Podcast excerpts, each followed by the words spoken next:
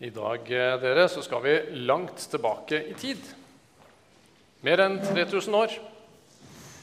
Og likevel så er det en historie som jeg tror vi vil kjenne på noen måter er oss ganske nær. Vi skal møte en ganske dysfunksjonell familie. Det gjør vi faktisk stort sett i Bibelen. Ofte dysfunksjonelle, nesten katastrofale familieforhold vi møter. Far som står mot barn, bror som står mot bror. Arveoppgjør, det er brudd, det er fiendskap, det er partier. Vi kan tenke Adam og Eva, Kain og Abel. Vi kan tenke Abraham, Sara, Hagar, Ishmael, Isak. Vi kan tenke Isak og Rebekka, som holder med hver sin sønn. Og så er det hit vi skal i dag. Og så skal vi se at det taler rett inn i vår tid, så mange år seinere inn i våre familier. Familier hvor det også er brudd og fiendskap og uforsonlighet, mistro, forskjellsbehandling. Det er så mye i oss som gjør opprør mot Guds gode vilje. Og så får det sånne resultater den gang som i dag. Jakob i Det gamle testamentet han var litt av en karakter. Han får navnet Israel. Og Han blir på en spesiell måte israelfolkets stamfar gjennom de tolv stamfedrene. Isak og Rebekka fikk to sønner, tvillingsønnene Esau og Jakob. Jakob får vi beskrive, han holdt Esau i hælen når de blei født. Så han var nummer to, men han hang på. Så fikk han navnet Jakob, da, som betyr nettopp hæl eller holde i hælen. Og så spiller det også på ordet for å narre og lure. Og det skal vi gjennom livet til Jakob få se at det stemte godt. Han levde opp til det navnet, dessverre. Han lurte Esau for førstefødselsretten hans.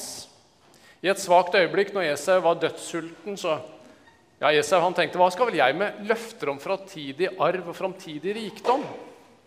Jeg trenger mat her og nå. Og så kunne vi hatt mange prekener om akkurat det. Det skal vi ikke i dag. Men Esau han forakter Guds løfter.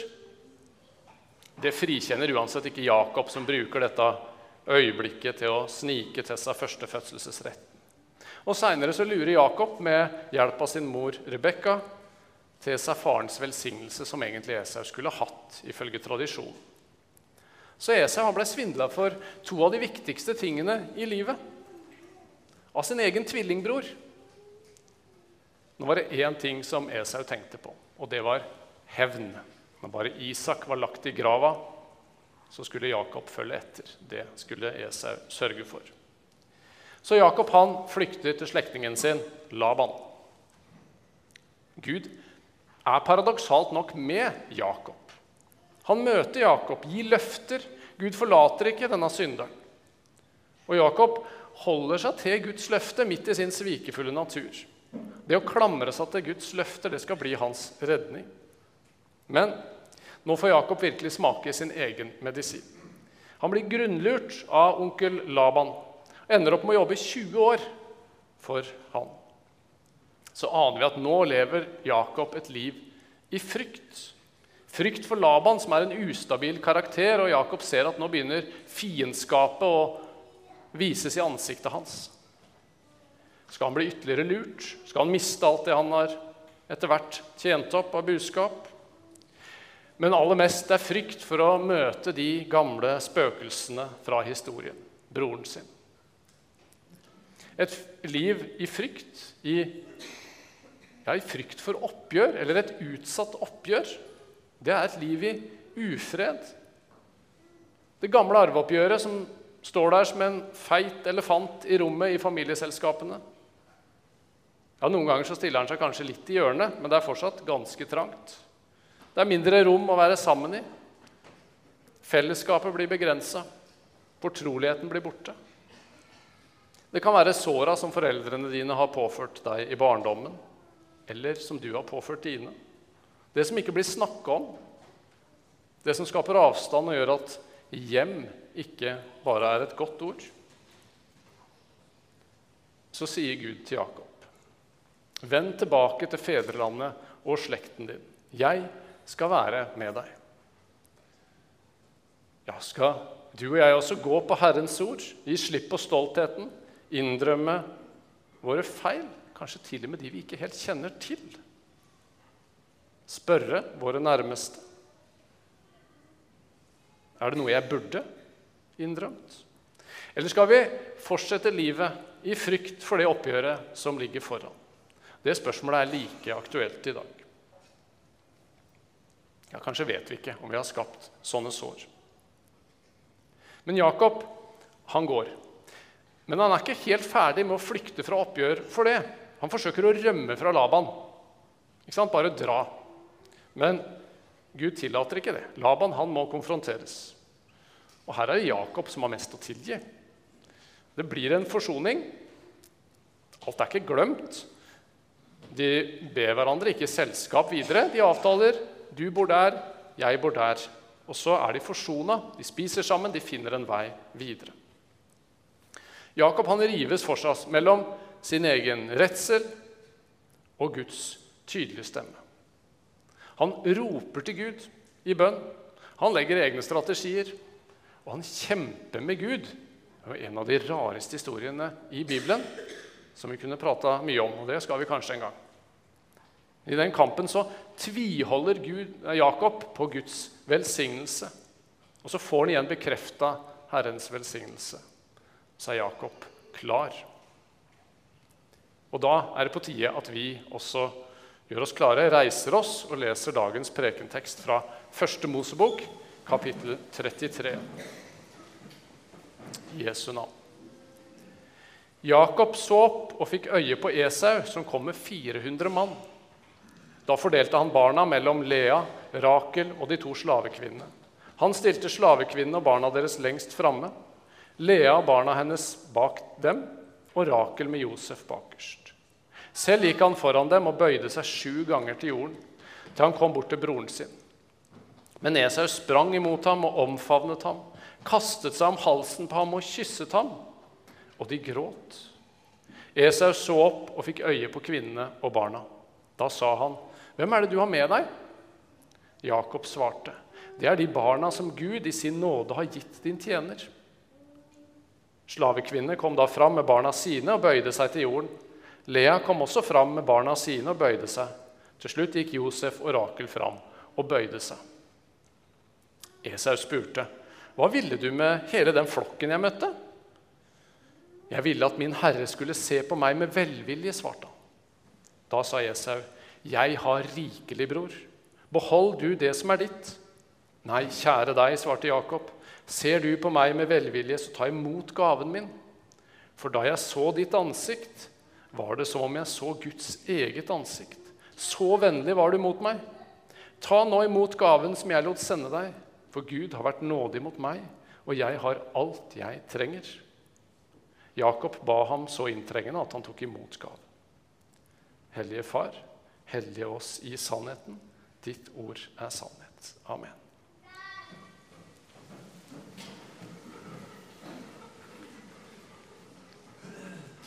Esau han hadde all mulig grunn til å være sinna.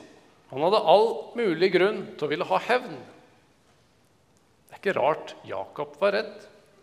Han tar alle forhåndsregler, han sender gaver i forveien. Han tar, med, han tar sin mest kjære kone og plassere bakerst. Og Josef, nærmest sikkerheten.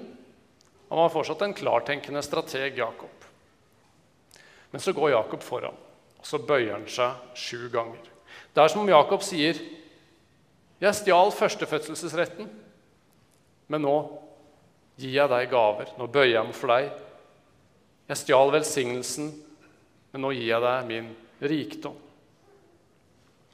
Så skjer det merkelige, helt uventa. Esau bryr seg ikke om gavene. Han kommer ikke med våpen. Han løper Jakob i møte, kaster seg om halsen på han og kysser ham. Han ønsker ham velkommen. Esau, som vi vet ikke så mye om hva Esau tenkte i disse 20 åra. Vi vet egentlig ganske lite om Esau, men det tegnes ikke et spesielt ærefullt bilde av Esau i Bibelen. Men nå, nå blir Esau selve bildet på Guds tilgivende vesen. For da jeg så ditt ansikt, sier Jakob, var det som om jeg så Guds eget ansikt. Når Jesus skal fortelle lignelsen om den bortkomne eller hjemkomne sønn, så portretteres Gud som faren som står der og venter på denne bortkomne sønn. Og Da tar Jesus oss rett med inn i Jakob og Esau-historien. Farens velkomst av denne bortkomne sønn blir beskrevet med omtrent nøyaktig de samme orda som vi hører om Esau. Faren løp ham i møte, kastet seg om halsen på ham og kysset ham. Det står to steder i Bibelen om mannfolk som løper i møte på den måten, og det er de to stedene. Jesus binder det sammen. Så Guds velkomst av den bortkomne sønn. Sånn er Gud, sånn som dette glimtet vi får nå av Esau. Han ser ikke på dine gaver, han ser ikke på dine forsetter. Han ser deg. Han ser og tar imot den som kommer ydmykt, sånn som Jakob gjorde, som kommer i ydmykhet og anger. Han kommer deg løpende, gledesstrålende i møte. Reiser deg opp, omfavner deg i glede. En slik Gud er det vi har. En som har mye han med rette kunne hevne hos oss. Mye gjeld å kreve inn, men som ettergir, som tilgir, fordi han krever inn gjelda fra sin egen sønn i stedet. Han går sjøl inn på den skyldiges plass, sånn at våpenet kan legges til side i møte med deg. Midt i sin egenrådighet og tvilsomme oppførsel så møter Jakob ufortjent og uforbeholden tilgivelse. Han går på Guds ord, vender tilbake til oppgjøret på veien hjem til sitt løftesland, sitt Kanan. Og så kaller Guds ord på deg og meg også. Kom til oppgjøret. Der får du vite din synd er sonet, skylden er betalt, oppgjøret er allerede gjort. Kom inn i dette tilgivelsens rike. I dag så bærer vi Vilde inn i dette riket i dåpen. Mange andre har også blitt båret når de var små. Noen har gått dit på egne bein når de var større. Og noen har kanskje dette store i vente. Lev her, sier Gud, hvor tilgivelsen får være lufta du puster inn, og lufta du puster ut. Ja, for ordet kaller både til å be om tilgivelse og til å gi tilgivelse. Du er jo ikke aleine i tilgivelsens rike. Noen ganger kan vi handle som om det bare var meg og Gud. Jeg kan gjerne ta imot masse tilgivelse, jeg. Men så tar jeg all tilgivelsen for meg sjøl. Nei, det er andre også rundt da som trenger tilgivelse. Som lever omslutta av Guds nåde og kjærlighet. Guds kjærlighet den er rundt om meg, den er overalt. Jeg vet, sang vi. Det er sant, det. Sånn er det for oss. Og noen ganger så er det nettopp du som kalles til å gi denne kjærligheten videre. Ja, ganske ofte. Til å puste ut den tilgivelsen som du har fått å puste i. Sånn er det i Guds rike. Og Jesus han er veldig tydelig, plagsomt tydelig tenkte vi kanskje når vi hørte ordet fra Markus 11. Men når dere står og ber og har noe å anklage en annen for, så tilgi ham, for at deres far i himmelen kan tilgi dere misgjerningene deres. Tilgivelse er en toveis greie. Du kan ikke fortsette å puste inn uten også å puste ut. Å leve som Jesu etterfølger, en kristen, det er å leve i Guds nåde. Ta imot, puste inn, Guds tilgivelse. 24-7. Også å gi det videre. Ikke bare på gode dager. Nei, det er også et kall 24-7 å gi tilgivelse. Gud er overstrømmende rik på nåde mot oss i Jesus Kristus, sier Paulus i Efeserbrevet 2. Han har gjort opp til en sak. Nåden strømmer innover oss. Men så stopper den ikke ved oss. Vi kan ikke fange nåden. Den skal få strømme videre til de vi møter på vår livsvei. Og det kan skape vakre øyeblikk av forsoning, som i teksten, hvor Guds ansikt skinner gjennom denne verdens esauer. Men dette er jo ikke lett. Hvordan skal jeg kunne tilgi mitt livs Jakober, som har ødelagt mine livsutsikter og fjerna velsignelser fra min livsreise? Hva med de som ikke engang bøyer seg og ber om tilgivelse? Hva med de som ikke innser sin synd engang? Da har vi ingen andre steder å gå enn til Jesus. Han sier i møte med det som for oss er umulig For Gud er alt mulig. Ingenting er umulig for Gud. Det er der vi må starte. Invitere Han inn i vår smerte. For tilgivelse er et valg. Det er ikke en følelse. Det er ikke bare å glemme eller å akseptere. Men hvis vi skal vente til at vi føler oss forsont, føler oss klare, da må vi vente både i 20 og 40 år kanskje. Og ofte må vi vente helt forgjeves. Tilgivelsens vilje og beslutning den kommer først og skaper grobunn for at sår kan begynne å heles. Det gjør at vi venner oss til den store legen. Det er bare han som kan gjøre det. Og han kan starte en helbredende prosess i oss. Tilgivelse betyr jo ikke at alt det som er gjort, blir greit, eller at det blir riktig. Tvert imot. Det er jo derfor vi tilgir. Når du vil tilgi, når du vil tilgi, og går til Gud, og der du kan medmennesket ditt, da har du lagt saken i Guds hender. Det onde og gale blir båret av sterkere hender enn våre, var det en som skrev. Straffen hører Gud til. Du bidrar til å løfte synden der den hører hjemme. Nagla fast på Jesu kors. Du kan gå videre. Smått, kanskje, i starten, men du kan gå videre. Den andre har fått muligheten til omvendelse og et nytt liv. Et liv i frihet og ikke i frykt. Og så blir man ikke nødvendigvis best friends forever med rosa hjerter i SMS-ene. Jakob og Esau de bosatte seg et godt stykke fra hverandre. Og det var sikkert klokt. Men de var forsont. Jakob levde ikke lenger i frykt. Og så inviteres du og jeg også inn i et liv uten frykt. Et liv hvor det store oppgjøret er tatt. Nåden den strømmer nedover deg i de naglemarka hendene som Jesus har. Det er et liv hvor du kalles til å leve i daglig oppgjør med både Gud og mennesker. Til å puste inn og til å puste ut Guds tilgivelse. Amen. Kjære Herre, du må gi oss kraft.